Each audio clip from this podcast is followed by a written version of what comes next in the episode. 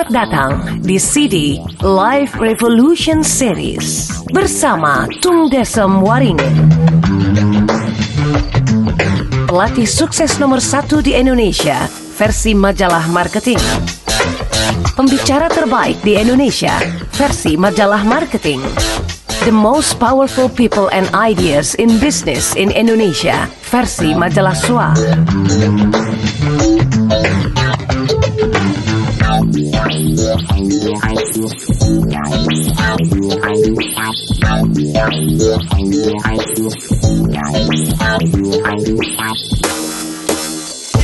CD ke-8 Kekuatan kata-kata dalam merubah hidup menjadi dahsyat.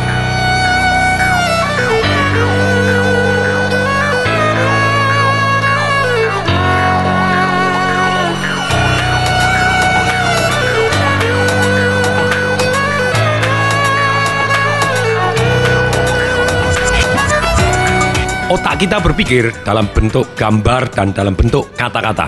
Ketika Anda saya minta untuk bayangkan kaya, apa yang terjadi? Anda membayangkan mungkin rumah yang mewah, mobil yang mahal, atau duit yang banyak, atau emas di mana-mana perhiasan, atau Anda membayangkan orang yang Anda anggap kaya, bisa jadi dalam bentuk bayangan. Tapi Anda juga bisa bayangkan kata-kata kaya, K-A-Y-A, bisa jadi. Itu yang Anda lihat gitu ya, dalam bentuk huruf atau dalam bentuk bayangan. Nah, kata-kata ini merupakan simbol dan efeknya sangat besar sekali dalam mempengaruhi emosi kita. Bahwa yang benar-benar kita inginkan itu adalah merubah perasaan. Kata-kata dalam peran untuk merubah perasaan sangat-sangat dominan. Manusia berbicara dengan dirinya sendiri, berbicara dengan orang lain, mendengarkan kata-kata orang lain melalui kata-kata, walaupun kata-kata ini adalah suaranya ataupun gerakan nonverbal juga, tapi saat ini kita akan fokus kepada satu yang namanya kata-kata.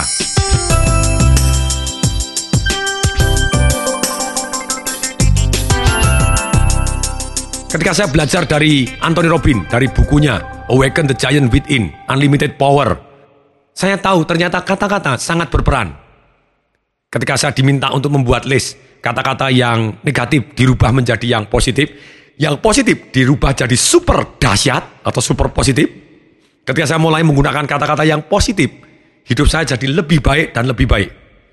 Bahkan saya juga melakukan tugas kalau saya menggunakan kata-kata yang bersifat negatif atau mengeluh atau menyesalin atau mengatakan kekecewaan, yang jelas kata-kata yang bersifat negatif secara emosi, saya harus mengulangi hari tadi dengan kata-kata yang positif.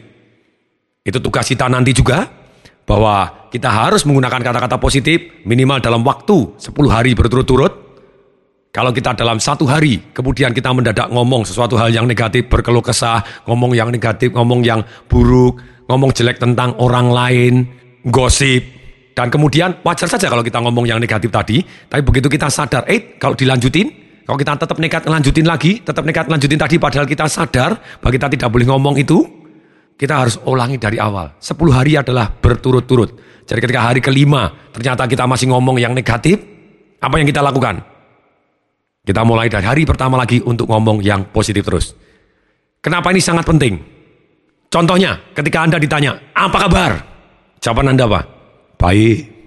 Kalau pertanyaannya baik, bahkan dari cara Anda menjawab, dari tekanan nadanya, ketika Anda saya tanya, apa kabar? Saya tahu nasib Anda.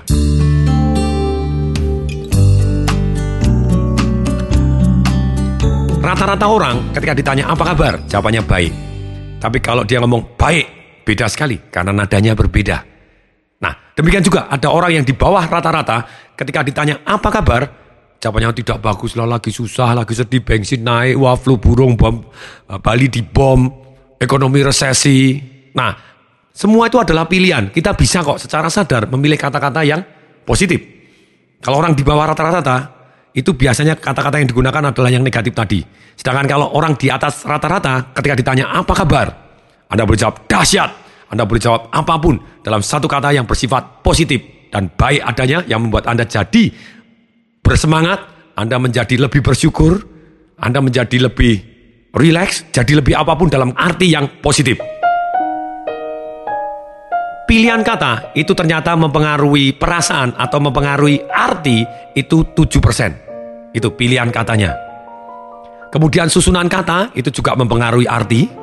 Misalnya, ada orang ditanya, gimana? Targetnya bisa nggak? Yang satu menjawab gini, bisa pak, tapi sulit. Yang satu dibalik, sulit pak, tapi bisa. Mana yang lebih baik? Sudah pasti yang sulit tapi bisa. Akhirnya tetap bisa. Susunan kata berpengaruh, susunan kata dan kata-kata ini mempengaruhi hanya 7% dari makna atau arti sebuah kata yang menimbulkan emosi tertentu. Misalnya, terus lalu apa Pak yang lebih banyak dari 7%? Ada, yaitu kualitas suara kita.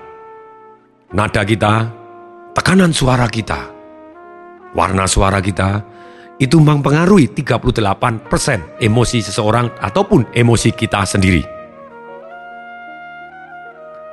Misalnya ada orang manggil saya, Tong! Kemudian yang satu, Teng. Teng. Sudah pasti berbeda. Yang nadanya tong, sudah pasti dia marah. Artinya beda. Tapi kalau nadanya teng, teng, sudah pasti dia godain gitu ya. Manja-manja ataupun mau merangsang malahan misalnya begitu. Nah, tapi dalam hal ini sudah pasti kalau kita nadanya berubah, hasilnya bisa berbeda. Misalnya ada orang ngomong begini, dengarkan baik-baik, rasakan, perhatikan baik-baik. Orangnya ngomong gini, I love you, I love you. Kalau dia menyatakan I love you dengan nada seperti itu, kira-kira orang mau jatuh cinta nggak? Sudah pasti tidak gitu ya, malah dikasih tinju segala macam karena nadanya salah.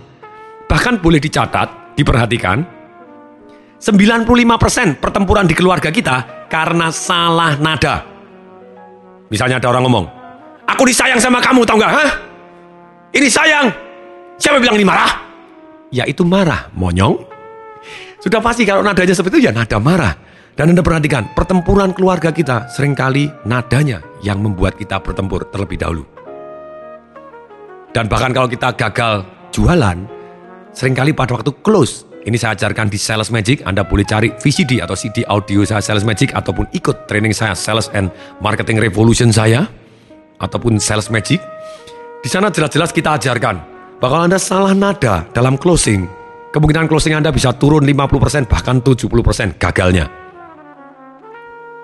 Misalnya begini, ketika Anda bertanya, pada waktu mau closing, jadi Bapak mau nggak? Enggak, jawabannya nekat gitu ya. Anda memancing, mau nggak? Sudah pasti Anda rendah diri dan orangnya jawab enggak. Mau ya pun jadi terpancing jadi enggak. Nah, tapi dalam hal ini ketika Anda closing, nadanya harus turun. Sebutkan nama, Anda ngomong, Pak Joni, saya yakin ini bermanfaat. Silahkan tanda tangan di sini. Beda sekali bumi dan langit. Nah, sekarang nada ini sangat-sangat penting. Anda harus perhatian terhadap nada dan kecepatan suara Anda, motivasi Anda. Seperti ketika misalnya saya menjadi pembicara motivasi atau pembicara yang menginspirasikan orang untuk menjadi sukses. Kemudian saya ngomongnya begini. Selamat pagi. Saya Tung Desember ingin hari ini ingin memotivasi Anda Dor! Orang mabok kenapa disuruh tampil begini? Pasti orang bilang begitu. Karena nada kita sangat mempengaruhi emosi orang lain, sangat mempengaruhi antusiasme orang lain. Dan kalau kita antusias dengan cara yang benar, dengan gerakan yang benar, dan melakukan penyesuaian dengan orangnya, mengikuti dia dan menghormati dia, dan tanpa sadar dia akan ikut semangat dengan kita. Kalau nada atau kualitas suara 38%, kata dan susunan katanya itu hanya 7%. Lalu setelah dijumlah itu adalah 45 persen. Yang 55 persen apanya Pak? Ternyata yang 55 persen tergantung dari gerakan kita. Nah gerakan kita sangat mempengaruhi emosi orang lain. Tolong Anda bayangkan, karena saya akan cerita begitu ya. Misalnya orang ngomong nadanya tepat. Ngomong I love you, nadanya tepat. Benar-benar sangat-sangat tepat, kemudian susunan katanya tepat. Tapi gerakannya, misalnya dia ngomong gini, perhatikan, dengarkan, rasakan, dan bayangkan baik-baik. Dia ngomong gini, sayangku, I really love you. Tapi gerakannya kelihatan seperti orang mau muntah dan kemudian meludah. Apa yang terjadi? Apakah dia bisa merasakan jatuh cinta orangnya? Sudah pasti tidak. Orangnya merasa terhina. Gerakan sangat-sangat dominan. Ketika orang misalnya maki-maki orang, mohon maaf saya menggunakan kata-kata keras, tapi misalnya begini. Orang ngomong, dasar bajingan, tapi tangannya kanan merangkul dan me memegang bahunya di pok-pok begitu dan kemudian dia memandang wajahnya dengan penuh semangat dan dia ketawa with dasar bajingan gitu ya. Tapi apa yang jadi? Apakah dia merasa dimaki-maki? No. Karena gerakannya menunjukkan dia sangat bersahabat, kelihatan sangat hangat. Jadi dia tahu, ah ini kata-katanya cuma main-main walaupun nadanya seperti ini. Demikian juga gerakan kita. Gerakan kita itu kombinasi sangat-sangat dominan. Makanya kalau pengen mempengaruhi perasaan kita, tadi sudah ngomong gerakan. Fokus juga tergantung gerakan kita. Kata-kata juga tergantung gerakan kita. Gerakan memang benar-benar sangat dominan dalam mempengaruhi perasaan kita dan perasaan orang lain.